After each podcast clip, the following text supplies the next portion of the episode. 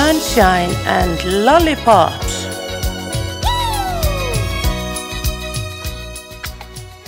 Já, einmitt, það er sól úti og við erum á hverfiskötunni. Ég er með rosalega skutlu. Hún heitir Dóra Júlia. Hæ, Hæ. Hvernig þekkist við? það er góð spurning Ég held bara, þú veist það eru sumir sem maður hittir og maður man ekki eftir hvernig maður hitti á fyrst af því að það er svona eins og maður hafa alltaf átt að þekkjast fattaru, Já, þú ert akkurat svo típa. og þú líka fyrir mér Við hefum örglega verið saman einhver staðar á Ítalíu fyrra lífi. alveg öruglega Í einhverju li, góðri litapallettu. Já, nákvæmlega, góðri litapaletu og glampandi sól Já. Þar held ég að við höfum verið í essin okkar Já, ég held það líka. Ég veit ekki alveg okkur við duttum nýr á þetta sker en það er nú margt mjög gott hérna. Algjörlega En ég bóndi ekki við þetta myrkur. Nei, ég endar eitt sem ég finn núna svolítið skrítið út af því að uh, það er náttúrulega búið að vera svo ótrúlega skrítið ástand og erfitt kannski að vera alltaf alveg í takt við það. Já. og núna þú veist síðustu mánuði þá er búið að vera svo mikið af partíum og viðbörðum og ég er alltaf að þú veist, koma fram. Ok. alveg bara oft, oft í viku, alla daga stundum. Og ég fann svona að ég var ekki alveg að ná almennilega niður á jörðina skilur þú veist ég væri pínu svífandi og ég á það til stundum. Að svona ná ekki alveg að heldur væri bara næsta næsta og pallétu galara. Woohoo, en ég finn núna það er svona í myrkrinu og einhvern veginn svona það er aðeins róleri taktu núna út af því að þú veist fólk er ansvar að fresta partíum og eitthvað að ég er svona mér líður eins og ég sé bara svona að allt í einu lendi ég. Skilur og Já. það er svolítið þægilegt. Já. líka, þú veist, maður svona myrkri er komið og við erum náttúrulega orðin bara svo vönus að því að við upplifum vetur eftir vetur eftir vetur. Og það er einhvern veginn ekkert sem maður getur gerst í því þannig að maður er svona einhvern veginn svona ok, maður aðlagast honum eða þú veist, Já, ég, hérna, mér finnst þetta samt alltaf erfiðar og erfiðar eftir því sem ég er eldri. já, er það? Já, ég er rosalega þreytt. Já, Ég þarf opaslega mikið svepp, Já. erfitt að vakna mótnana og bara, en þú veist, þetta er bara svona. já, já, einmitt En hvaðan er Dóra Júlia? Ég er úr Reykjavík bara. Ég er Ok. sko, ég fættist í Árósum út af því að pappi var að klára master þar og mamma var að vinna þar sem leifjafræðingur. Þannig ég er, já, ég flutti samt heim þegar ég var tveggjára en við fórum rosa mikið til Danmörkur og fóreldrar mínir eiga mikið að vina fólki þar þannig ég er alltaf með svona smá tengingu við Danmörku. Pínu dönsk í þér. Já, ég er smá og ég elska að fara til Danmörkur. Þú veist, ég hefði alveg fílað að flytja eitthvað tímann til Kaupmannafnar eða Árósa þar sem ég er fætt um, en það er einhvern veginn bara En þú ert Það var ekki partur af flæðinu. ka- kannski áttum eftir að flytja til Danmörkur. getur vel verið en það er bara, mér finnst bara rosa gott að vera í Reykjavík akkurat núna sko Já, Finnst Reykjavík er voða sæt og krútli borg og Já, það er orðið svo rosalega mikið um að vera akkurat og í hvaða skólum varstu? Ég var í uh, Ísaksskóla Já, og svo fór ég í Hátegsskóla Mhm. svo byrjaði ég í MR og var í eitt og hálft ár þar og sá svo ljósið og skipti yfir í MH og útskjáðast þaðan já, Svo fór ég í viðskiptafræði í þrjár vikur og fór uh, grátandi til námsákjafa út að ég var, var ekki alveg að tengja. Og hann sagði bara þú ætti ekki að vera í pína þig í neitt þið langar ekki að gera, þú ert 20 ára og þú bara verður að kýla á hlutina og leifa þér að fylgja þínum. Þannig að hausti eftir fór ég í listfræði í Háskóla Íslands Já. og tók sér þetta listfræði og heimsbyggi í bíagráðu tók eina önn í Columbia út í New York.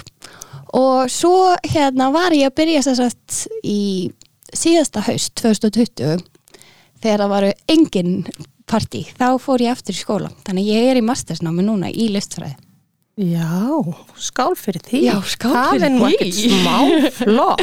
Já. Og hérna, ertu Ha. með svona listadelli, ferðu á allar sýningar og... Já, ég hef mjög gaman að bara þú veist, listin er náttúrulega bara svo ótrúlega marglaga Já, það er svo alls konar og ég er náttúrulega, þú veist ég hef mjög mikið áhuga á ólíkum listformum sem vinna saman, þú veist, uppáhald svona listasýningarna mínar geta til dæmis verið tónlistaháttir, já, það sem að er sko, þú veist, það er svo mikið að myndlista fólki sem að vinnur að því bara með, þú veist lifandi visjóala, tónlistafólk, kreyfing, dans, ég var hérna mjög lengi í dansi, ég var á listansbreyt um, og í JSB þannig að ég er, þú veist, með Ókei. mikið bakgrunn í nútímadansi og ballett og jazzballett og bara, þú veist performance art og það er svo mikið listform að koma fram og klæðabörður er svo mikið list og svo hef ég, eða þú veist, list er ekki kannski bara uh, þessi svona hefðbundna skilgreining sem er að finna á hinu hefðbundna listasafni Nei, þú getur séð list í rosalega mörg Algjörlega. Og það er mjög áhugavert eins og bara í mastersnáminu þá er rosa mikið, erum við mikið að læra sko um bara hvernig list nýtist í alls konar tilgangi, þú veist, í svona alls konar pólitískum tilgangi og samfélagslegum og bara hvað hún leynist víða og hvernig henni, þú veist, hvernig er að miðla list á alls konar vegu til að koma fram alls konar skilabóðum sem kannski er erfiðar að gera með fréttaflutningi að hérna þessu sko. Já, ég er alveg sammálaðir að hérna, mér finnst til dæmis hann þrándur Já. listmálari Já, mér finnst hann gera alveg geggjaðar myndir, þær eru pólitískar já, og þær eru fyndnar Já. og bara ég fíla hann alveg í botn og mér finnst hann svona ferskur inn á markaðin já, og bara kefti mitt mynd á hannum í sumar og gaf manninu mínum í ammaliskjöf Var hann ekki ánaður? maður minn Já. Jú, jú, jú, jú, jú, en hérna maður minn á ammalöktun annan oktober og uppáhald söngbarinn hans í Sting Já, þannig að mér datt í hug að byggja þránd að mála mynd af manninu mínum inn í búð eins og hann væri að selja Sting glerugu alveg rétt, ég hef séð þessa mynd og hún er ótrúlega flott. Já, og þetta er bara svo gaman að geta blanda svona saman Akkurat. það er húmor og fólk segir býtu, er þetta Sting? Var hann hérna í búðinni? Já, Og- það er þetta búið til bara eitthvað sögu. Já, og bara, þú veist, að fylgjast með ungu, eða bara öllu lista fólki, ekkit endilega ungu, þó ég Mhm. Já, sé já. greinilega eitthvað alveg húgt á ungu fólki. Ég, Já, já. ég er eitthvað neginn á öfugu róli. Já, en það er líka bara svo skemmtilegt og líka, sko, þú veist, það er svo, maður læri svo mikið af ólíkum kynnslóðum en á líka svo mikið sameiginlegt með ólíkum kynnslóðum. Þú veist, Já. það er eitthvað neginn, auðvitað, þú veist, jú, maður upp að vissum aldrei, þá fylgist maður að maður er í sama kannski námsefninu, sömu áhugamálum fara á sömu böll og hitt og þetta en Já. svo eftir þann þröskuld þá er einhvern veginn bara svona ok, hvað stend ég fyrir, hver er ég, hvað finnst mér skemmtilegt og það getur verið bara, alla kynnslóður geta væpað þú Já, veist. já svo mér, mér fannst þegar ég var ung, þá, hérna, voru við margar vinkonundum saman og tvær þeirra áttu ungar mömmur, já, eða mömmur sem voru sem sagt eitthvað 20 og 22 þryggja þegar það er áttu börni sinn og Já. mér fannst skemmtilegast að vera með mömmunum. Mér fannst Ég- það æði.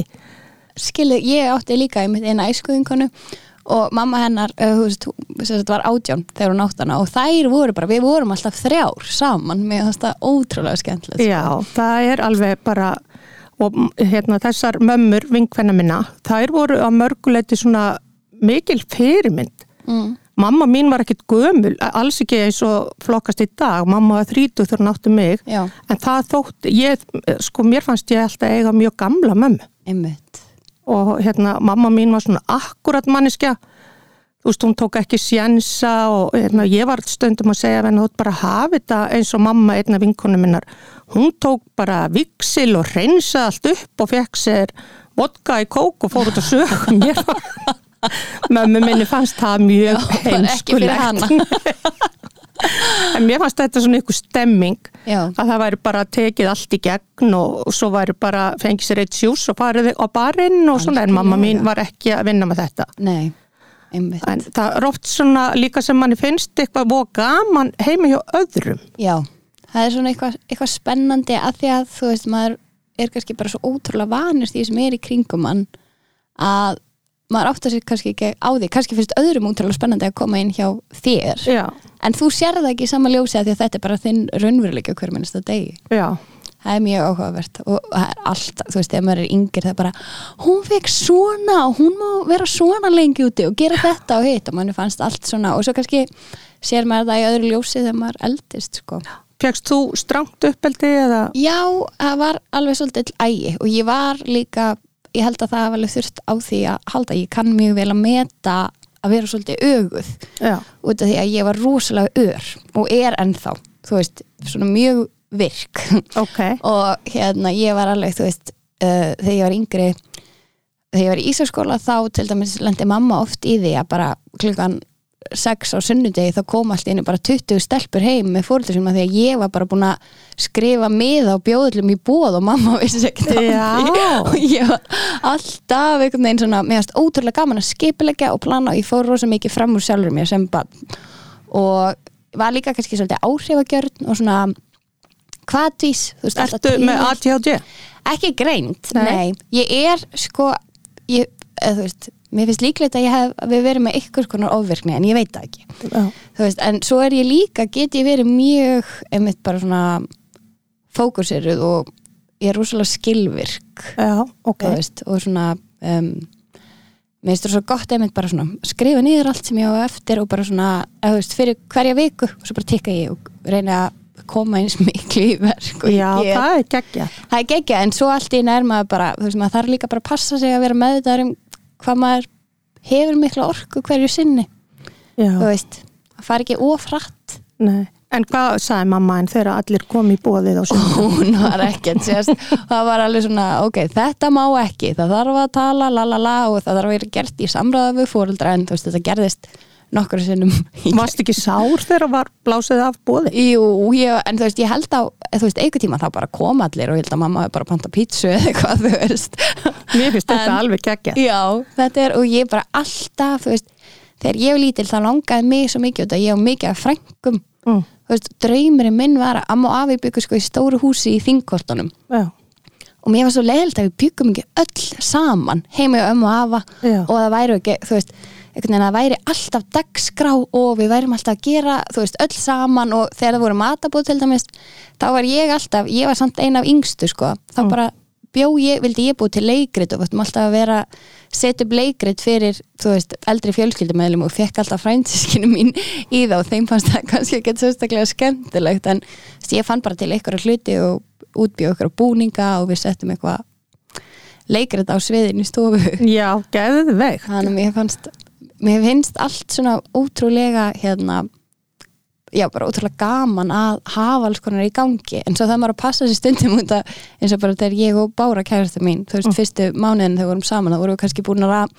ákveða að fara út að borða eða í bíó eða eitthvað. Já. og þú veist, auðvitað þegar maður er í par þá vill maður stundum kannski bara vera tvær en ég var svolítið svona vöni að vera alltaf eitthvað, já, þessi ætlar að koma á og svo bauði þessum og eitthvað, þannig að þú veist, kannski voru við að fara hún held við tvær út að borða og allir komum bara fimm aðrir þú veist, með. Ég, ég bonda rosalega vel við þetta. Já, en svo þú veist er líka bara svo mikilvægt einmitt að bara tala saman og segja, heyrðu, þú veist, það er útrúlega gaman að hittast mörg en það væri líka alveg gaman einstakar sinnum að við færum bara og værim aðeins tvær saman út að við kannski erum ekkert búin að ná að hanga mikið eða eitthvað, þú veist, og þá er maður alveg, já, þú veist sambönd líka einmitt, það snýst svo mikið um að mæta svolítið á meðri leið fattur þú? Já, ég hef ekki virt þetta við manni minn Nei,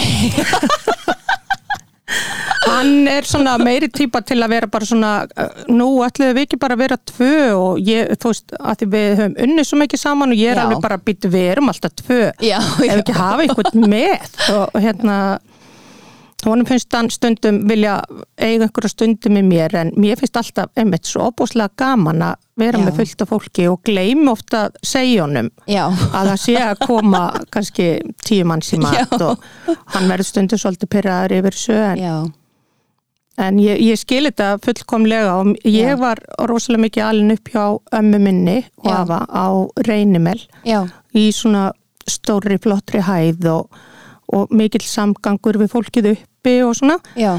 að hérna ég bónd alveg við þetta að ég hefði viljað hafa alla bara saman í húsi og bara gera eitthvað saman Einmitt. og vera með síningar og tónlistaviðburði og alltaf eitthvað í gangi og ég sko, ég er alin eða þú veist, þegar ég var tekjar þá fluttum við á Vestugötu já, 52, hann er hliðin á búnaðabankanum þar sem að var bankarán. Já bankaránið. Og ég var í leikskóla að næl í bakarðinum svona lítill leikskóli sem hétt Örkinans Nóa. Og hérna í húsinu mínu þar byggu eiginlega bara gamlar svona iconic konur, gamlar leikonur og eitthvað. Og ég var alltaf bara þú veist, áður en að mamma og pappi vöknu þá var ég farin upp bara og fekk sleiki og hjá konu sem hétt Erna, hún var leikona rosa flott og þær voru svo góðar við mig, mér varst bara svo gaman að geta bara bankað upp að hjá konunum í húsinu. Það voru þú bara veist, vinkonur bara góðar vinkonur. Og það er líka einmitt, maður er einhvern veginn ég hef alltaf, þú veist, náða tengja rosa mikið við eldri konur. Mér finnst Já. rosa gaman að og amma mín sem að hún dó fyrir rúmum tveimur árum og hétt Dórótea, ég var skýrð þú veist Dóra í höfuð á henni því hún var alltaf kölluð Dóra. En hún var alveg bara svona ein af mínum betri vinkonum. Þú veist, ég fór tvisar í viku alltaf til hennar á grund og við gátum bara svona, þú veist, það var svo gaman. Mér varst svo ótrúlega áhugavert að heyra alltaf ykkur nýjar sögur og ykkur lífsbyggi og alls konar svona bara hvað hún hefði upplifað og hvað hún hefði lært og hvað hún stóð fyrir þá og núna og þú veist, Já, það er svo mikil viska og gleði. Ég held að sko þeir sem að alast ekki upp við ömmur og afa og svona eldra fólk fara svolítið á mis við margt. Það er margt erfitt að vera mikið innan um eldra fólk Já. þú veist að að það er oft kannski mikil veikindi og hérna mínir strákar upplöðu mikil veikindi á mínum foreldrum og svona Já, en sko að sagan er bara svo mögnuð Já. hvað allt við breyst og hvað fólk var að gera Mhm. á öll, allt öðrum tímum já, að mér fannst til dæmis mjög fyndið að mamma mín þóttist verið í ennsku skóla. Já, og það datt engum í hug og hún væri ekki í ennsku skóla en hún og vinkonarna voru allan tíman í París að tjamma já. Það, það var náttúrulega ekkert Facebook eða símar eða neitt Nei, það var ekki tækt að vita. Og það er bara voru í tjóttinu í París. Og, og þegar maður hitti þær hvað það er áttu eitthvað svona mikið leyndamál Já, og bara ótrúlega fyndi, núna myndi allir fatta já, já að þú væri ekki í London Já, og eitthvað svona. Að læra. En það var svo margt sem að var kannski eh, erfiðara og auðveldara þegar það var ekki öll þessi tækni. Einmitt, nákvæmlega. Þú þurftur að stóla svolítið mikið á sjálfan þig. Mm og ég fór til dæmis eitt sumar að vinna í Nóri, ég var 16 ára. Já, maður myndi kannski ekki endilega senda 16 ára stelpu þanga en ég lærði rosalega margt. Já. Hvað varst að gera? ég var að vinna á hóteli. Við fórum þrjár vinkonur saman og, og það var bara alveg ótrúlegt. Ég til dæmis kunni ekki að þvó fötin mín þegar ég fór. Nei, og fór bara svona í kaupfélagið einu sinni í viku, kefti mér nýja nærbuksur og nýja sokka og svo var það bara orðið svolítið dýr já. Þannig að ég varð að læra á þvóttavelna Já, og ég kom svolítið sjálfbjarga heim. Einmitt. Þú veist sem að var bara mjög fínt Og og mótaði rosa mikið. Já og bara já, ég held að allir hafi gott að því að vera svolítið einhverstaðar annarkvort upp í sveit eða í útlöndum eða eitthvað, þú veist, og þurfa að stóla á sjálfan sig. Algjörlega og maður læri rosalega mikið af því. Ég uppliði þetta þegar ég fór til New York. Já, í hérna Columbia University. Vá. ég fór í bara svona sumar nám og var í, þú veist, það var samt, ég var bara í 6 eða 7 vikur og það var ógæðslega erfitt. Það var ógæðslega erfitt, þú veist, námið var bara svona superkrefindi á ennsku við vorum bara átta í bekk og maður þurfti stanslist að vera tjá sig, þú veist, kennarinn var alltaf bara beina spurningu að mér út frá okkur fræðigrein og mér fannst þetta alveg bara svona bilaðslega erfitt já. og svo var ég að gista í svona heimavist við skólan og var í kói og það voru kakkalakkar út um allt þetta var ógeðslega oh. grefjandi og líka þú veist, New York er bara rosa svona þetta er svo hrjöð borg já. það eru allir einhvern veginn bara svona þú veist, lappa bara utan í manna því að þeir eru að flýta sér svo mikið og þú veist, maður er ekki að upplifa það er engin að vefja mann í neitt bómul.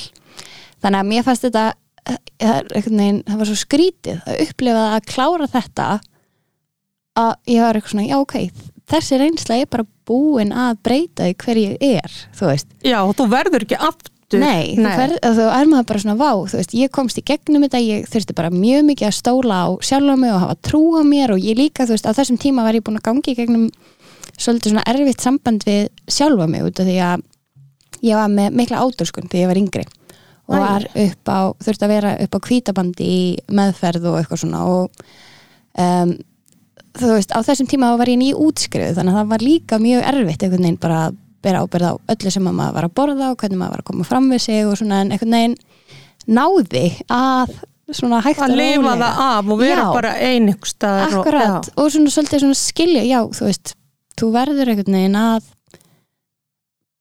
þú verður að koma eins vel fram við og þú getur, þú veist Já. til þess að funkar sem best og það var líka mjög einhvern veginn lærdómsrikt, Já. þú veist Og að- segðu mér aðeins frá átröskun. Já, það hérna uh, já Hvernig það, byrjar það? það byrjaði þegar ég var í tíundabæk og já, það var og svo þegar ég var í mentaskóla þá hérna fór það í burtu, þú veist, ég var bara svo upptekin að einhvern veginn bara vera til sem var, Já. þú veist, og kannski svona aðrir eh, eða þú veist, já þá þurfti maður einhvern veginn að var ég bara að díla við hvað meira svona að læra að maður var að jamma dóldi mikið og reyna að vera dögleg í skólum líka og þú veist, það var bara einhvern veginn, ég veit ekki þetta allavega tók ekkert pláss þegar ég var í mennskóla, þá var ég bara að díla við aðra hluti. Um, og svo uh, þegar ég tvítug þá kemur þetta aftur gegnum bara svona alls konar erfiðleika og æ, veist, þetta áður til að poppa upp þegar maður er að gangi gegnum eitthvað sem er erfitt, veist, mamma og pappi voru skilja og ég var að gangi gegnum sambandslit og eitthvað, þú veist, þegar ég tvítug og bara svona mér fannst þá með að við sko bara kannski það veganist sem ég hafði þá var þetta mjög erfitt fyrir mig. Nema þú veist kannski í dag einhvern veginn væri maður betri í stakk búin til að díla við svona hluti.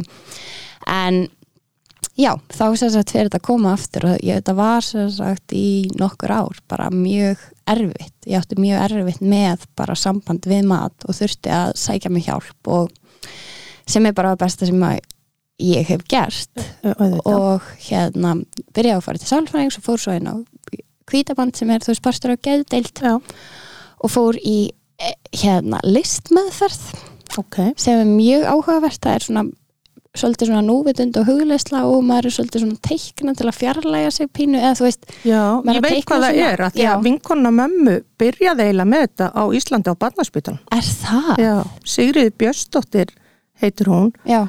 Frábær kona og hún var gift Díti Rót Ó, og hún vann á barnadeildinni bara þegar ég var krakki já. og var með svona listmeðferða og börn Já. voru að tjá sig í gegnum sína, sín veikindi og annað. Já, Hún var langt, langt á undan sinni samtíð.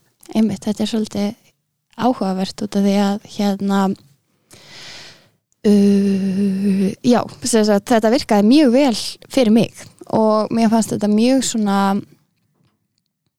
mér finnst líka áhugavert að þú veist læra og svo eins og í skólum hann ég læra að þú veist Jackson Pollock og margir svona magnaði listamenn voru líka í listmeðferð upp og Já, til að díla við þú veist, önnur andleg veikindi. En þetta allavega var bara mjög lærdómsríkt og erfitt ferðalega og svona eftir á hefur þetta, þú veist, það sem var svolítið erfitt var svona, ó, þú veist, að skilja af hverju þetta gerist og af hverju maður kemur svona fram við sig? Og maður var svo leiður og sorgmættur bara af hverju, þú veist af hverju kem ég svona fram við mig? Af hverju ger ég þetta, þú veist, af hverju gerði ég þetta? En auðvitað líka bara ég er svo ótrúlega allt sem að spilar inn í og maður getur ekki haft alltaf fullkomna stjórn yfir einhver eins og, þú veist, andlegum veikindum. Það er ekki hægt. Ég bonda við það. Ég hérna, veiktist alvarlega þegar ég var að verða 50 já, og eitti 50 sammæli steginu mín minn á geðdelt. já, Það var rosalega erfitt. Ég fekk mikinn kvíða og þunglindi já, og bara algjörlega breyttist og ég hafði ekkert val. Ég bara, þú veist, þetta, hugurinn bara fór með mig í þetta ömulega ferðalag. já,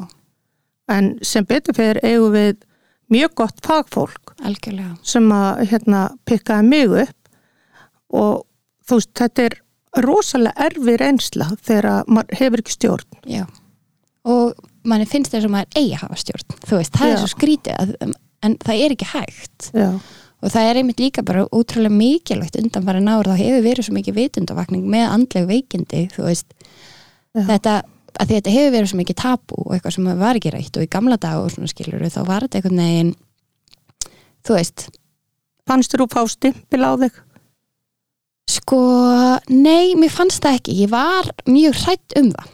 En mér fannst einhvern veginn, sko, ég er svo kvatvís og hérna, uh, bara í fyrsta skiptið sem að ég segi upp átt að ég sé með átrúskun, Já. þá hérna, um, og það er sko, við erum að tala um 2014, Já. þá sest ég niður með mömmu af því að mamma hafði bara miklar ágjör og vildi ræða þetta við mig.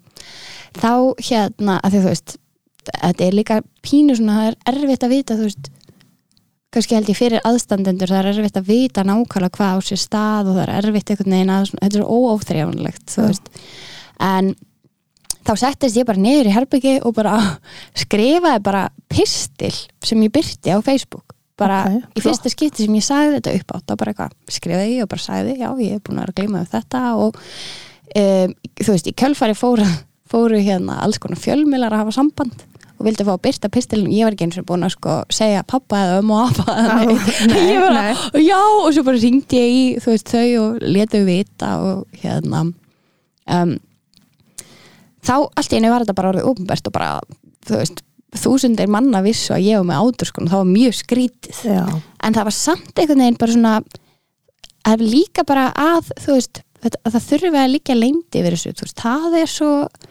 veist, það er svo leiðilegt. Ég nefndi ekki að vera í einhverjum féluleik ég var bara eitthvað herðið, mér finnst þetta besta leiðin til að svona aðeins að fjarlæga mig. Fyrst að skrifa einhvern veginn bara að horfast í þetta og fara að fá aðstóð skilur já, já, ég bonda við þetta því að þegar ég lendi í þessu þá voru margir sem voru bara alveg rosalega hissa, bara ha?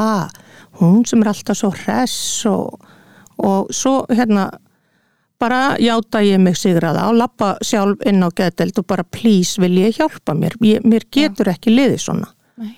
og hérna ég fekk mjög góða hjálp en þegar ég kom aftur út í lífi þá fannst mér fólk vera bara hva, svona, mjög svona hissa og ég uppliði mig eins og ég hefði gert mistök Já, í lífinu. Og svo akkurat árið setna því ég ger nú oft svolítið allt í stíl að ég hafði náttúrulega lagst inn á til 10. september. Já, og það er alþjóðdagur hérna ykkur að geðhelbriðis eitthvað, já, alveg típist ég að á, bú- já, ég kem þá. ammali 10. september Nei, ég á ammali 13. Já, en þú ert megin eins og ég, ég er 8. september Já, auðvitað erum við megjur Að sjálfsögðu. En Já. já, og hérna svo var fólk oft svona að hafa áhyggjur, ég mátti hvorki sína sko að ég væri döpur eða þreytt eða glöð, þá var fólk við allum sé að fara í einhverja manni núna. Byttu allum sé að fara niður núna. Og mér finnst ég vera eiginlega ennþá undir eftirliti hjá mjög mörgu fólki Sum, sumir meinir það mjög vel en sumir eru svona byttu hvað rosaleg lætir þetta? Og halda bara eitthvað sjáðu ball, hún hlýtur nú að vera alveg svakalega mannísk en þú veist það eru nýja ár sen ég vektist þetta. og það er einhver uh, hérna 11 ár sín í axlabrotnaði. Já, að já. það hefur engin spurt með hvernig ég er í höxlinni Nei, býttu, átt að vera lit að þessu, átt að vera að gera það er enginn að pæli því. Nei, en, Einmitt. En Þetta það er sterka fólkið sem að leitar sér aðstöðar Já, ég meina það þarf rosalega styrk til að leita sér aðstofar það finna Þó að við allir hvetjum alla til þess að gera það þú Já, veist. en við finnum hver einasta manneska sem lappar á þessari jörn já, hún finnur til í sálinni stundum. Já, algjörlega. Annars væru við ekki það. á lífi. Það er bara ein- einn af þessum svona skilmálum við það að vera til held ég, þú veist. Já. það er, ég myndi ekki vilja eða deginu með manneski sem er ekki með sál. Nei. Nei, ekki heldur.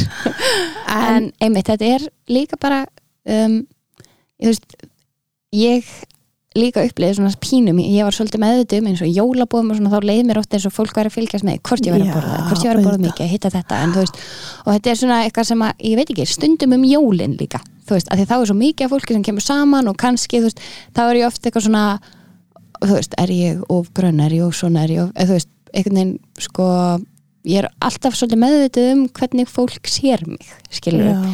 kannski líka bara að því að fólk er svo duglegt að tjá sig um holdarfar Já, ég tekki það. veist, það er einhvern veginn bara, hefur grænst, hefur bætt að þið, bara, þú veist, það er alltaf einhvern veginn verið að pæla í því. Já. og það er svo, þú veist, maður þarf að passa sér svolítið mikið að gera það ekki.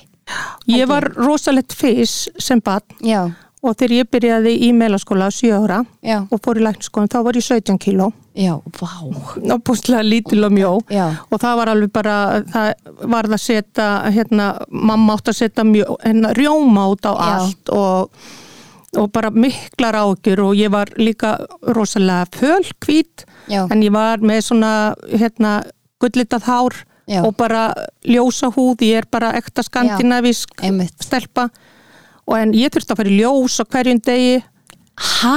já, já, þá var maður sendur bara í ljós Oh til að fá. D-vitamin og þeir sem að voru Jesus. sko mjög illa haldnir, þeir fóru líka á laugatöðum ok. Þannig að ég var líka í ljósum á laugatöðum Oh en ég hef nú alveg braggast verulega síðan. Hefur verið duglega að setja rjóma í kaffið? Já, en hérna svo var það svo fyndið að hérna að þingjast Já. og ég tengi það við svona áföll. Já, að þegar ég skil við fyrir manni minn þá Já. er ég 24 ára. Já. Og þetta Og var bara hvað svona varstu gömul þegar þið giftust? ég var 21 að vera 22 Ok. Og ég var með eins og skamalt barn og bara það hérna kom upp fram hjá allt og hann egnaðist nýja konu og ég var verulega særð. Já, 24 ára og lítið. Misti matalistina já.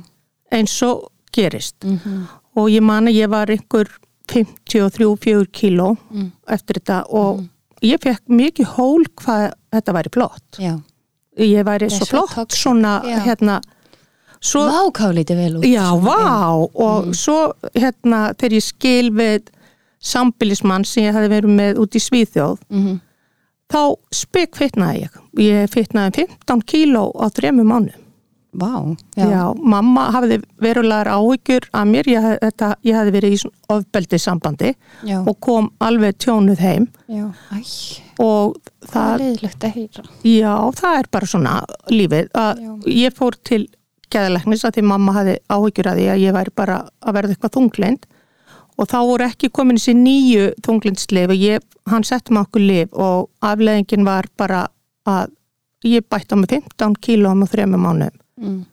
og þá sko kom alveg allt annar pótl í hæðina. Mm.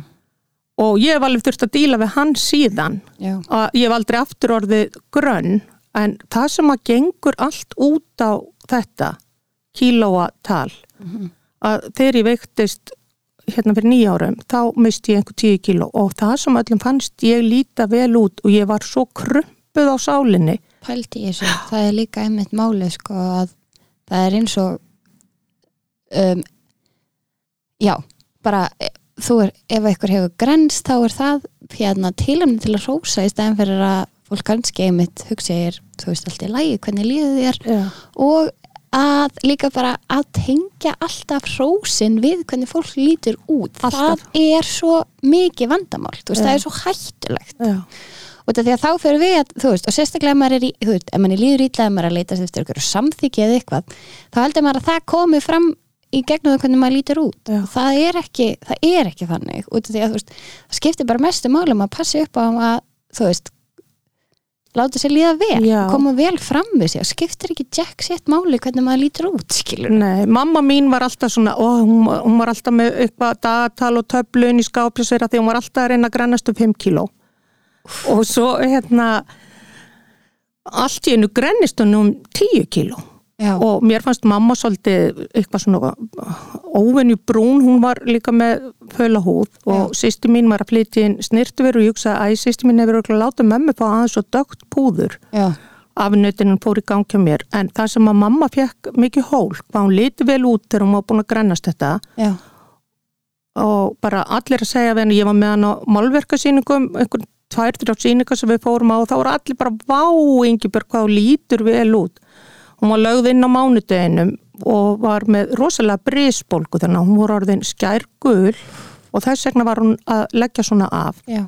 En hún, hún fekk rosalega mikið hól fyrir hvað hún liti vel út með Fólk veit ekkert hvað er á bakvið einmitt, Nei, bara og svo virkilega veik. Já, en það er eins og til dæmis eitt sem að, þú veist maður það bara að passa. Mér finnst bara óþarfi fyrir alla að vera með vikt á heimilinu ég er Já. ekki með vikt á heimilinu mínu ég hef ekki vikt á mér í mörg ár og það er bara þú veist, ég held að allir þessir sko þessir skalar sem er verið að nota, þú veist, eitthvað þetta þung fyrir þessa hæð og bla bla bla þú veist, ég held að þetta sé bara fólk á bara að, þú veist láta sér líða vel og Já. fara vel með sig og bara, þú veist, auðvitað bara reyna að vera hraust og passa að fá réttu næningarefnin og allt það skilur en ég held bara að vikt geri, eða þú veist, það að vera pælið þingdini gerir engum gott, sko. Nei, maðurinn minn hefur aldrei geta þyngt sig Já, og er alltaf mjög grannur og bara þarf ekki að spá þetta en hún er fyrst alveg rosalega leiðilegt þegar fólk fyrir að tala um holdarfarans já, ég trúi því. og þú veist það er mjög oft sem fólk sé "Guð, hver, hérna, hvernig getur alltaf haldið þið svona mjóm? Hann langar að vera Já. aðeins þingri Einmitt. en það reynist honum um einmitt. Og ég hef nú stundum sagt að við þurfum að fara til kára í íslenskri erðagreiningu og gákvært að væri hægt að setja einhverju snúru á mill okkur aðeins að dæla úr mér í hann þannig að það væri jafnvægi. En það er jafn leiðilegt að fá þú veist, framann í sig hríkalertu hóraður Já, það, það meinar það engin vel held ég sko. Nei, og það, en Og- þú veist, fólk er alltaf með þetta. Já.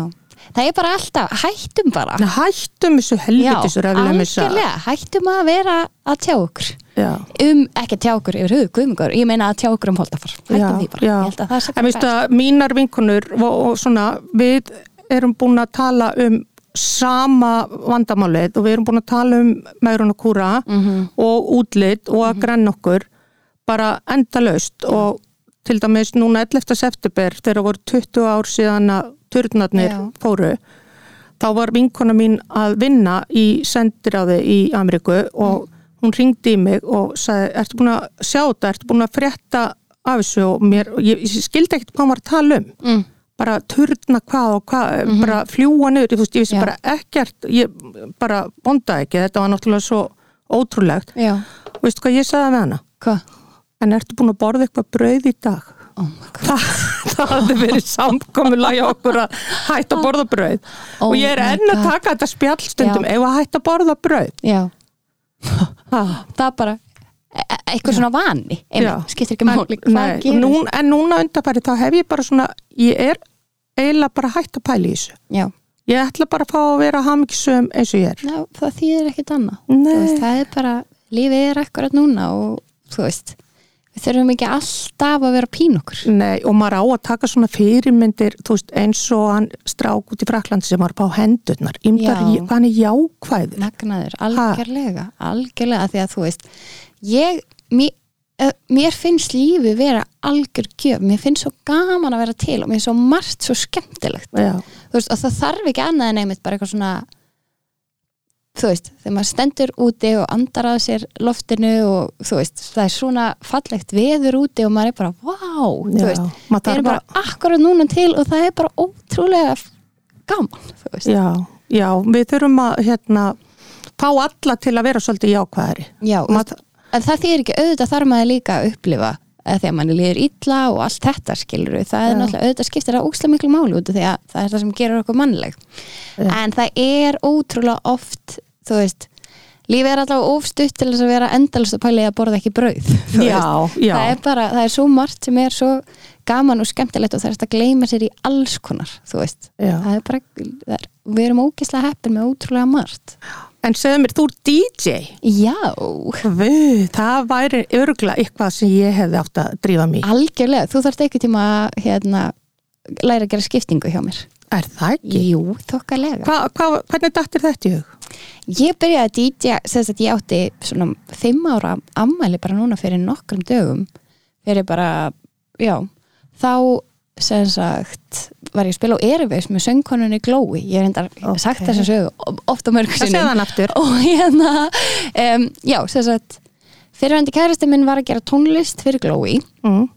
og hún var að spila á Airwaves 2016 og hann langaði að hafa DJ upp á sviði hjá sér. Og spurði hvort að ég veri til hún vildi bara hafa ykkur að stelpu og við þekktumst vel skilur þannig að ég bara segja, já, þú veist, mega gaman og fannst þetta bara úslega fyndið og vini mínu voru bara, ha ha, Dóra er að fara DJ á Airwaves, þú veist, þannig að 2016 og ég fæ græjur lánaðar hjá hérna, umbúrsmanninu mennar og það er bara búið að líma alla takka niður nema play. Og það er bara, þú ítir á play og svo gerur næsta lag og ítir á play, ég bara, ok um, og það var ótrúlega gaman þú veist, bara upp á sviði, fyrst skipti sem ég DJ bara í Silvubergi í Hörpu upp á sviði í geggjuðu lúki og við vorum bara í megagýr og þetta var ótrúlega gaman.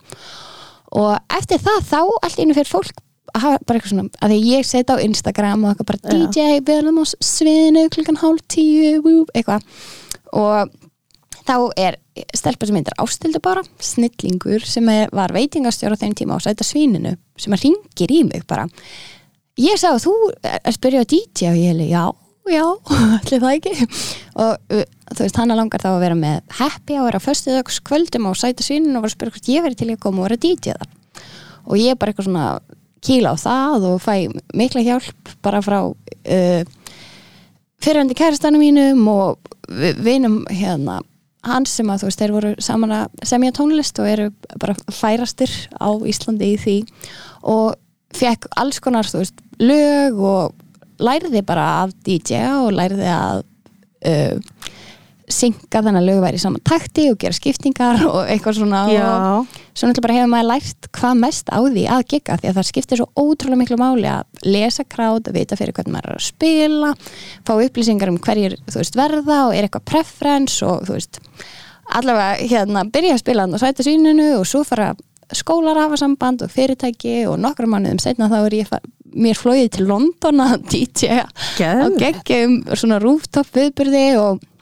já, þetta er svona eitt leiti af öðru og ég var ótrúlega heppin að fá þetta tækifæri, þú Já. veist og einhvern veginn bara það er eiginlega ótrúlegt hvað þetta hefur gengist súper vel Já. og bara þetta er svo skemmtilegt og líka einhvern veginn bara svona, þú veist já, ég hef, held ég gripið eiginlega öll tækifæri sem að komu í kjölfæra og hef bara verið svo heppin líka að fá þessi tækifæri, skilur Já, æðislegt, því að það, þetta er nú svona frekar svona eitthvað strákadjóp finnst manni.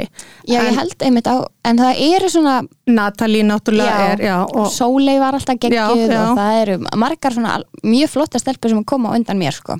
Já. og hérna, en á, á þessum tíma þá kannski, það var allavega 100% pláss í markanum. Já, það æðislegt. Já, bara svo frábært og hérna, svo hef ég bara spilað í raunum um allan heim í alvör Já, ég spilað í Rússlandi hérna 2018, ég hef spilað á Gríklandi nokkur sinnum, spilaði sko bæði í útskiptaferðum og í brúðköpi fyrir eitthvað fólk hérna frá Rúmini og Kína og Ég, spilaði í. Kastal á Ítalíu fyrir fólk frá New York og spilaði á Eyju í Karabíska hafinu og hérna, já, bara Þetta er magna. farið út um allt, já, Og- þetta er ótrúlega En hérna heldur þú verður ekki bara alltaf líka í þessu?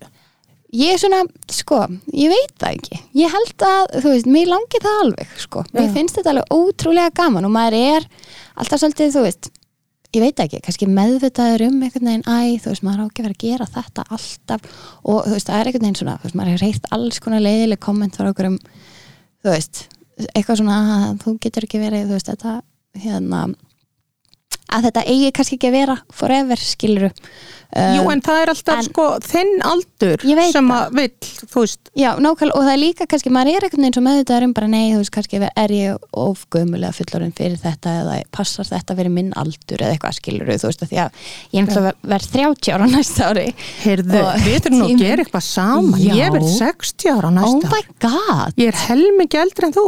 Pældi í því, það er gegn Bara Já, þetta eru risa Ná, og, í, og svo er bara kærastu mín þriðja seft og hún verður al- 25 ára á næsta ári við en hérna, já, þann, veist það er alltaf eitthvað svona, þú veist, maður er lendi í ykkurum svona, þú veist leiði já, svona, kannski bara heyrt leiðilega rattir sem hafa náð til manns á einhverjum tímapunkti, þú veist og hérna hugsa kannski, já, þú veist, það er ekki maður á ekki vera að gera þetta alltaf eða eitthvað, en svo hérna held ég kannski bara, þú veist, Ég veist að unga, unga fólki til dæmis þegar ég er með uppstand og svona já, þá er það alveg bara, ó, þetta er æði og svona, já, en svo geta svona jafnaldrar mínir ég hitti Já. til dæmis einn skólabróði minn og hann sagði, ó, þú ert svo vulgar og, og ég alveg, ha, ég viss ég nota aldrei sjálf orðið vulgar nei, og ég var alveg þegar ég kom heim "Hva- hvað meinar hann, veist, Já. og, og ég googlaði þetta og það, það kemur bara dónaleg og eitthvað svona. Já.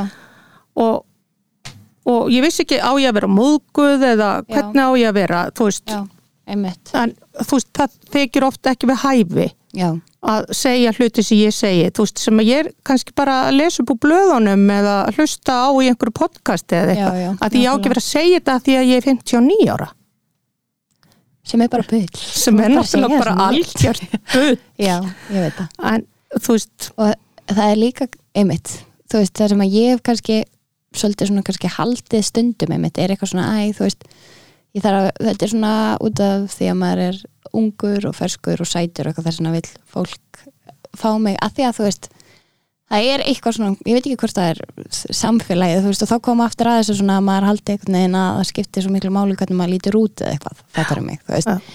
En ég hef einmitt verið að ræða þetta mikið við Báru, bestustu kæristunum mína og þú veist, hún er bara, þú er bara getur verið 75 ára og DJ þið finnst það gaman, bara þokkalega. Ég ætla En, um, rétt að vona að verði DJ á elliheimilin til Já, nákvæmlega, Ég get ekki harmoniku Nei, Já, þú ég fíla alveg harmoniku eða spila eitthvað annað, ég get ekki Já. eitthvað skott í svo Nei, ræl, nei. ég, þá er ég bara farin út að reykja. en hérna það er líka bara, þú veist, og svo hefur maður ég hef áhuga á alls konar, þannig að það er líka alveg gaman um þetta, þú veist, prófa eitthvað nýtt og öðru en þú veist, mér finnst bara alveg ótrúlega gaman að koma fram að DJ að, þú veist, dressa mig upp í bara grúfi lúk, spila skemmtilega tónlist þetta er bara, þetta er svona partur af þessu listformi, En hvernig finnst þér þegar þú ert búin með hérna, eitthvað svona gig Mhm. og fara bara út í bíl og kera heim? Já, þá þarf maður alltaf aðeins að tóna sig niður Já. og ég, þú veist, það er náttúrulega bara mismunandi, auðvitað getur þetta verið mjög krefjandi. Mm og þú veist, það er þetta tekur svo mikla orku þú veist, að því að líka mann langar að gera eins vel og hægt er. Já. þú veist, maður er að reyna einhvern veginn að, þú veist allir séu ánæður og fólki finnist gaman og vilji, þú veist, dansa og allt þetta og þannig að maður leggur rosa mikið í þetta og ég, þú veist, dansa rosa mikið upp á sviði og ég er mjög mikið, þú veist, maður er alltaf að fylgjast með, ok, þetta lag ekki að virka, við skulum breyta, Skipt- færa, þú veist, rup, og vera í stuði, Já. þú veist um, og ég hef alveg ég uppliði svolítið fyrir nokkrum árum um, áður en að COVID kom að þú veist, þá fekk ég svolítið mikið kvíða alltaf, fyrir gegn, ég var alveg svona þú veist, einmitt í kannski myrkrinu og maður er að spila á nætuna og þurfti að vera í mega góðum gýr og var kannski ekkit í alltaf góðum gýr þá Já, eða já. eitthvað, þú veist, og ég var svona þú veist, þurfti að stoppa á leiðinundi og svo hrættum ég að vera að gleyma ykkur. Ég var alltaf bara eitthvað, og það maður þarf að vera með maður langar bara að vera með alltaf hreinu og alltaf að, þú veist gera sitt allra besta. Og ég var alltaf bara er ég að gleyma þessu er ég að gleyma þessu? Og bara nei, þú veist, en þurfti stundum bara að stoppa á bensinstöðum bara til að kíkja í skotti hvort ég væri ekki öruglega með allt en samt vissi ég alveg ég var með allt. Þetta var svona, já, partur af einhverjum svona kvíða held ég. Já. og hérna, en það tók alveg svolítið svona, já ég held að maður þurfi bara að passa sig líka að kvíla sig inn á milli. Þú veist, að keira sig ekki alveg út af því að þú veist, það má ekki vann með þetta að þetta er líka vinnanmann svo þetta tekur á, skilur Já. um, en svo er þetta líka alveg ótrúlega nærandi. Og ég hef upplegað það rosa mikið núna þegar það er aftur allt farið af stað. Það er eins og maður sé pínu svona endur nærður. Og Fólk kann að meta allt svo núna, já, það er svo mikið gleði og það er svo gaman og einhvern veginn það er svo gaman að fá að vera með í að búa til geggjaða stemmingu já. Já. Þannig, að- en og svo líka kannski út af því að ég var líka bara ein þú veist, ég var hérna einhleip í tvö ár og um, bara í gangi gegnum alls konar þú veist. Maður þurfti bara að þroskast rosalega mikið sem betur fyrr og bara einhvern veginn svona, já uh, En núna áttu breytingar já. Já. og þess að, já, í þessi tvö ár þá fór ég í gegnum svona alls konar breytingar og svona lífsbreytingar og horfast yfir við, þú veist, hver maður hafi verið og ég hætti eiginlega bara að drekka og þú veist, svona fór í svona mjög mikla sjálfskoðan út af því að ég, einhvern veginn Hafður verið með hérna konu áður eða Nei, viss, vissir nei. ekki þú væri Jú, jú, jú, eða sko ég hafði aldrei verið eitthvað svona ég hafði alveg orðið skoðin í stelpu áður, skilur um, og var hérna í sambandi mjög lengi með alveg bara frábærum strák Já. og hérna sem að ég ber alveg opaslega mikla virðingu fyrir og bara, því, já, hann er alveg frábær Já. og en því miður þá var ég ekki besta útgáðan af mér í því í sambandi því sambandi. Nei, bara alveg alls ekki og þurfti svolítið að bara horfast í augu við sjálfum í kjölfarið og svo náttúrulega bara eftir á sér maður þú veist að, að já, Maður bara Leiðin- breytist já og, og, og einhvern veginn þarf að læra að taka ábyrð á sér og sínu og bara, þú veist, og ég einhvern veginn líka bara var mikið hjá sálfræðingi og þurfti bara svona, þú veist, og eitt af því var líka bara, ég var að bara djamma á mikið og þú veist, Mm. þurfti bara að hætta að drekka, mér fannst það bara rosa góð ákvörðun, ekki það, þú veist, ég þurfti ekki að fara í hérna, í meðferð eitthvað nei, nei, engar svona drastiskar en bara, þú veist, það var ekkert mál fyrir maður að hætta og svo var ég bara svo há, að ég ætlaði bara fyrst bara að prófa að drekka ekki í nokkra mánuði og svo fannst mér það bara svo þægilegt að ég bara drekka eiginlega aldrei, þú veist Ok. um, Það eru mjög En- margir svona ungir sem að er Já. einmitt að vinna með það Ná, það er bara svo þægilegt og líka Já. mér er bara gott að vera alltaf á bíl og vera með, mitt á hreinu og ekki, ég er ekki reyna að flýja neitt skilur um, en já, svo bara hérna verði ég svona líka ástfangin af þessari frábæri stelpu Já, og það einhvern veginn, þú veist, ég held að það er rosa gott líka að búum svolítið í samfélagi í dag vona ég, allavega upplýði ég það þú veist, Já. það er bara svolítið frelsið til að finna fyrir því sem maður finnur fyrir, algjörlega og ég hérna já, var bara mjög ástfangin og hún er bara ja, alveg uppáhald manneska mín. Og hvar hittist þið? Við bara kynntumst við veist, búum í sama samfélagi og hérna var ofta reykast á hana. Og hittumst bara svona hér og þar og urðum svo bara vinkonur og Svo bara hérna leiti eitt Já. Já, og bara einhvern veginn, það var eitthvað rosa tenging bara alveg strax og fórum alveg bara mega trún og náðum rosa vel saman og svo bara urðum við. Kærstur já, Já, og já, það bara hérna einhvern veginn svolítið meant to be. Já, Þannig, að- og svo læri maður bara ótrúlega mikið líka á því eða þú veist, ég hef lært alveg súper mikið á þessu sambandi og það heldur bara áfram að blómstra sem er svo ótrúlega frábært. Já, indislegt og maður gengur í gegnum alls konar og hérna, það er bara svo, líka svo mikið forréttindi að fá einhvern veginn að þú veist, Já, og mér finnst læri svo einhvern veginn mikið á því að vera ástfangin það er svo mikill skóli. Já, það, við, hérna, ég var, um, ég var þetta við strákjum minn, hann Björn og hann Já. er stundum DJ, já, já, einmitt. Og hann segir mér þetta sé svo flókið að því hann myndi fá tauga áfallega ég færi inn á hans marka líka. Veist, já, Mamma Það er að spila á alltaf rökken í kvöld. þetta er allt og Þetta er alltaf flókið, það er alveg... Díti Dóri Júlia og Anna Þór alltaf verður með back to back. Já, já, hann var sko í fyrra þegar kom svona smá glufa í COVID-unu, Mm. þá var hann að spila á nullinu. Já, galleri og, já, og Já. rosa stemming þar. Og ég held partí í búðinu minni. Já. og svo var komin bara svona rígur hvort það er meira stuð Já, hjá mömmunni eða bjössanir og Einmitt. ég held ég að við nú unnið innan leik. Já, já, Ha, þú ert náttúrulega party queen ég elska partí og Já, ég ætla bara líka. alls ekki að hætta því. Nei, lífið er náttúrulega bara mikið party oft. Ég, ég get ekki setið svona kjur í einhverjum stól heilt kvöld og hort á sjónvarpi Nei, einmitt. Ég bara, Hei, og þegar fólk er alltaf að segja ertu búin að sjá þessa seri og Já. seri nei nei, ég ætla ekki að sjá hana. Ég bara, þú veist, mér, ég mist ágætt að vita af þessu öllu ef ég skildi fá COVID og þurfa að vera heima og eða, Þá kannski að horfa á serju ég, ég bara það, það er svona einstaka sinni sem ég dett inn í að horfi á serju ég, ég er náttúrulega með opaslega mikinn aðtiklisbrest og ég bara hef ekki þess að eirð. Nei, nei, ég tengi sko þegar ég var yngri líka þá átti ég mjög erfitt með svona heilan dag að horfa á eitthvað. Það hefur bara aldrei gerst Nei, í mínu lífi. einmitt, einmitt. Ég þarf alltaf að fara eitthvað og, og já, mér reyndist til dæmis svolítið erfitt þegar ég var einst á móðum með Bjössa lítinn og ég var búin að svæfa hann og svona og ég var ein heima Já, að bara setjast niður og eiga að horfa á Derrick eða eitthvað í sjónvarpunum, ég var Já. alveg svona að klikkast. já, Það hefði hentað mér mjög vel að það hefði verið komnir samfélagsmiðlar. einmitt Var stundum bara, hvað á ég að gera þetta inni? En Hvað finnst þér um samfélagsmiðla? Sko ég, mér finnst þeir aðeinsleir. Já. Það sem að ég ger, þú veist, ég er í samskiptum við fólk sem er langar að vera í samskiptum við Einmitt, og ég hef heyrt að einhverja kellikar segja þú veist, rosalega er hún annað þóra aðtikli sjúk og þá, ef ég heyri það, þá Já. blokka ég svoleiðis fólk, Já. þá kemst það aldrei inn á neitt Nei, hjá nei, mér það að því að. Þú veist, ég nenni ekkert að skoða hvað sem er hjá hverjum sem er og Nei, þá nei. bara hæta ég það já, eða eitthvað, en og það þarf enginn að skoða þig fyrir ekki hann veit nei, og ef þú ert að skoða mig þá hlýtur að vilja skoða mig eða Nákvæmlega, það er svo gaman að skoða, skoða þig en sko fyrir mig er þetta ekki neikvætt mér Nei. finnst, ég hef þetta til að hafa skemmtilegt en Já. ég hef aldrei verið á Twitter Nei, mér skilst að þar sé bara annar mórall. Já, einmitt, ég er ekki að Twitter sko. Nei, mér finnst ég- fólk vera kannski aðeins of reitt eða það sem ég les um að fólk svona leifi sér. Já, Instagram finnst mér æðislegt það er bara Já. allir að setja bestu útgöðun á sér og, já, já. og maður er ekkert að dæma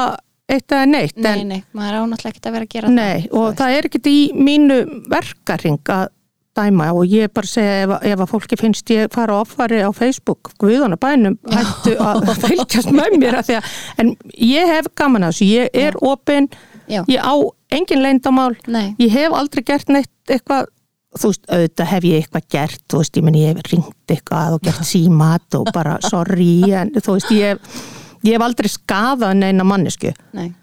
og hérna mér finnst rosalega gaman af lífinu og mér finnst opbúslega gaman að hamast í fólk og setja ykkur að vittleysu inn á Facebook og svona. Já, einmitt.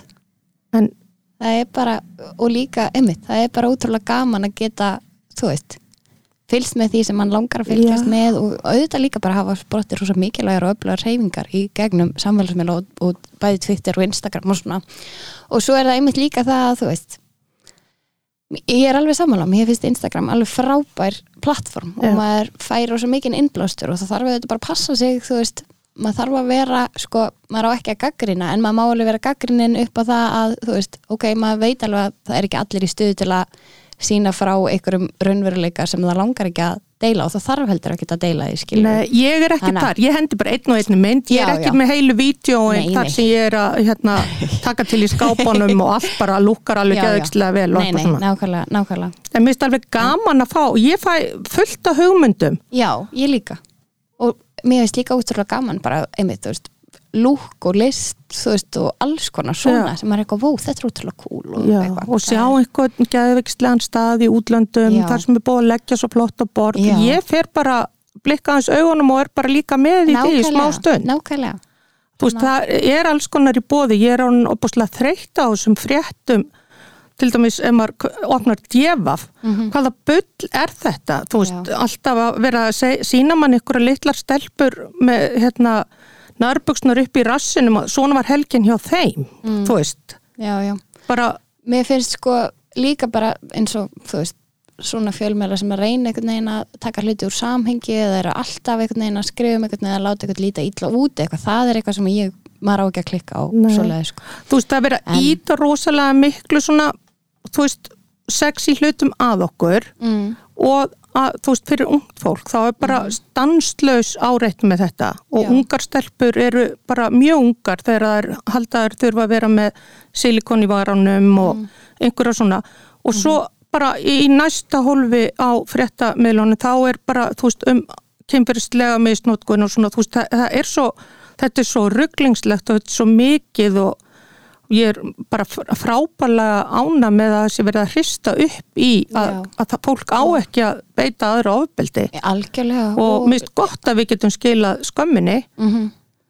En finnst- bara, en það skiptir náttúrulega máli að þú veist konur mega byrta þar sem að þær vilja Já, já. og allt þetta, ég er mjög ána með með hérna, já. En mér finnst flott að- stundum of ungar stelpur farnar að byrta allt og allt og sexy myndir af sér þetta þú ert bann og mér finnst það foreldrana mm. að taka já, ég hef það kannski samtal. ekki alveg hérna, ekki alveg kannski upplifa það eða Nei, mér, mér það, finnst það bara óþægilegt þegar ég Mhm. sé frængu mína sem bara kannski var að fermast. Já, og, og ég bara segi við manni minn upp og sí, býtu, hún, hún var að fermast.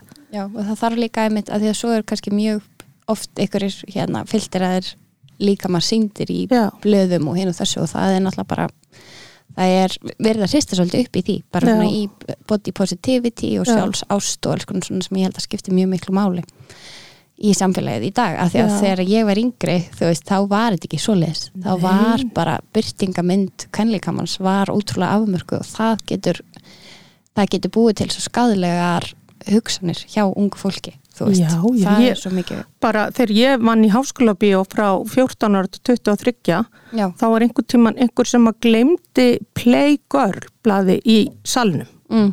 þú veist, en það fór ykkur í bíó með já, blað? með Playgirl þú veist, bara með allsbjörn köllum í ó, Já. og okkur fannst þetta náttúrulega alveg brjálaslega fyndið að finna þetta blað og höfumust í þessu blaði að því að maður hafði ekki aðgang og, og hérna vissi ekkert Mhm. um svona og það voru einhver plaggut að einhverjum strákum liggjandi einhverstaðar í heyrúlum og svona og við hengdum þetta allt upp inn í kókompinu þar sem Coca-Cola var geimt mm. og þú veist þannig að þetta sást úr salnum Já. og við vorum bara stelpur, ég minna við vorum allar að fara á bílavestaði og annað þar sem var allt í plaggutum af okkurum allsbyrjum konum mm. þar sem voru kalla vinnustæðir og svo svöruðu við í sömu mynd þetta, það varð allt brjálað. Bara Já. hvað væri í gangi? Pælti Þú stand, veist. svona double standard. Og svo komu strákarnir með kókið og það hvarf alltaf ein og ein mynd tanga til að alltaf farið. Þeir bara meikuðu þetta ekki að við varum að svari sömu mynd. einmitt, en ég, þú veist eins og þegar allir er að tala um þess að tippamyndi núna já. að ég var útskræðis í sjúkraliði 19 ára mm. og fór að vinna á þvakkvaradeild Mm. Þannig að ég var með tippi í hendinni allan daginn í vinnunni. Mm. og hvað þau eru mismunandi og sömfalli og sömljót en hvað með góðu hvað ég fegin að það hefur enginn sendt mér svona mynd. Já hvað er að að vera vesennast í þessu? ég skil það ekki. Nei, ég skil það ekki, sem betur fyrir hef ég ekki heldur fengið, tippamynd? nei. Nei, uh, kannski einhver tíma eitthvað svona ég, ég bara mann það ekki en það var eitthvað svona þú veist, einhver er svona senda á Instagram sem, þú veist, einhver er bara útlenskir sem að vissi ekkert hérna hverju voru en ég man, eða þú veist, það var eitthvað tíma eitthvað svo leysi í gangi, ég man bara ekki hvort að ég sjálf hafi fengið svona sko. Nei mér finnst þetta bara- leiðilegur vinkill á Algjörlega samfélagsmiðlum bara brot, veist, já, algjörlega. Ah, maður hérna vill ekki segja þetta. Nei, og bara alls ekki. Bara alls Nei, ekki. og bara fólk verður að passa börn sín já, og farði yfir síman hjá frænguðinni og eitthvað svona og segði henni bara ekki gera þetta elskan. Og bara, þú veist passa upp á sig og gera það sem að hérna lætur manni líða vel og bara það sem er gott við samfélagsmiðla þú veist, er að geta fagnað fjölbreytileikanum þú veist, það séu fjölbreyta myndir það séu fjölbreytt fólk, það eru fjölbreyta fyrirmyndir. Já, og all, allir fróðleikurinn. Já, veist, nákvæmlega. Ég var að lendi alls konar hlutum sem ég held ég væri bara algjörlega einn í heiminum að upplifa. Já, og við hvað ég hefði vilja geta lesið um reynslu annara einmitt. Þannig að, en mér finnst svolítið áhugavert bara svona aðeins að pæli að því að þegar ég var úlingur og svona, þú veist, þá var alltaf verið að skipta sér að hvernig maður var að klæða sig og ég var kannski mætt í magabúl í skólan og var sendt heim að skipta um föt.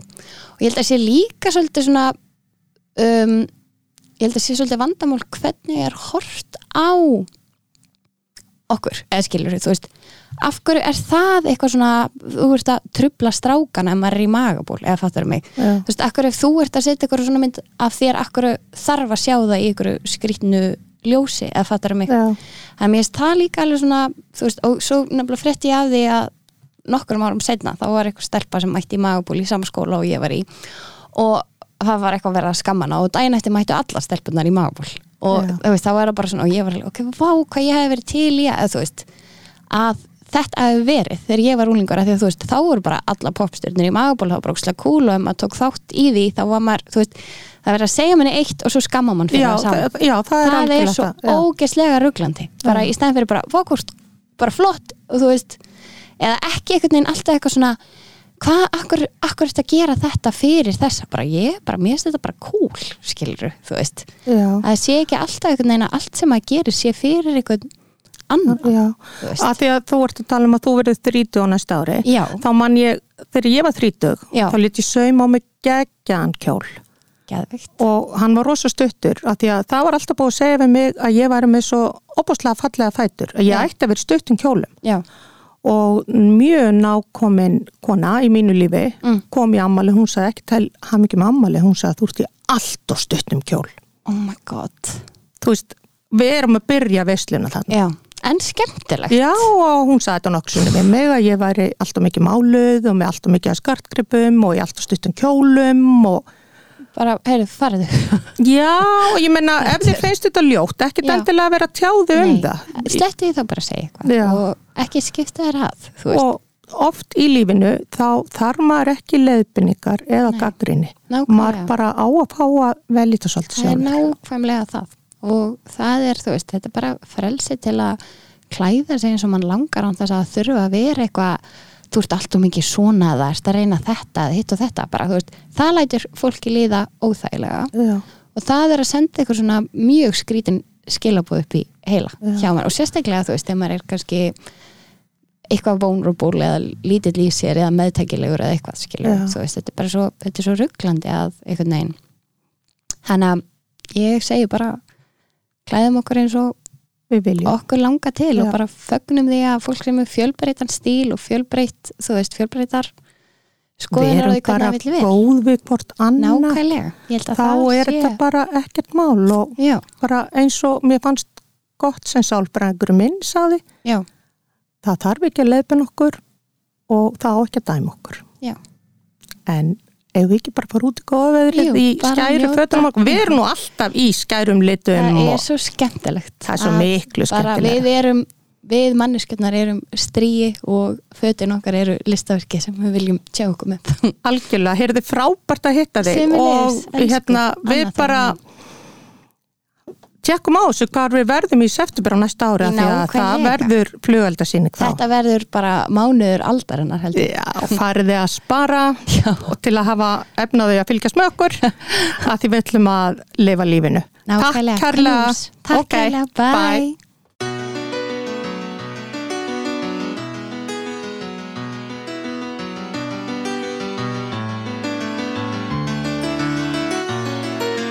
It's with me as long as you are by my side. Talk or just say nothing. I don't mind. Your looks never lie. I was always on the run, finding out Mm, what I was looking for, and I was always insecure. Oh,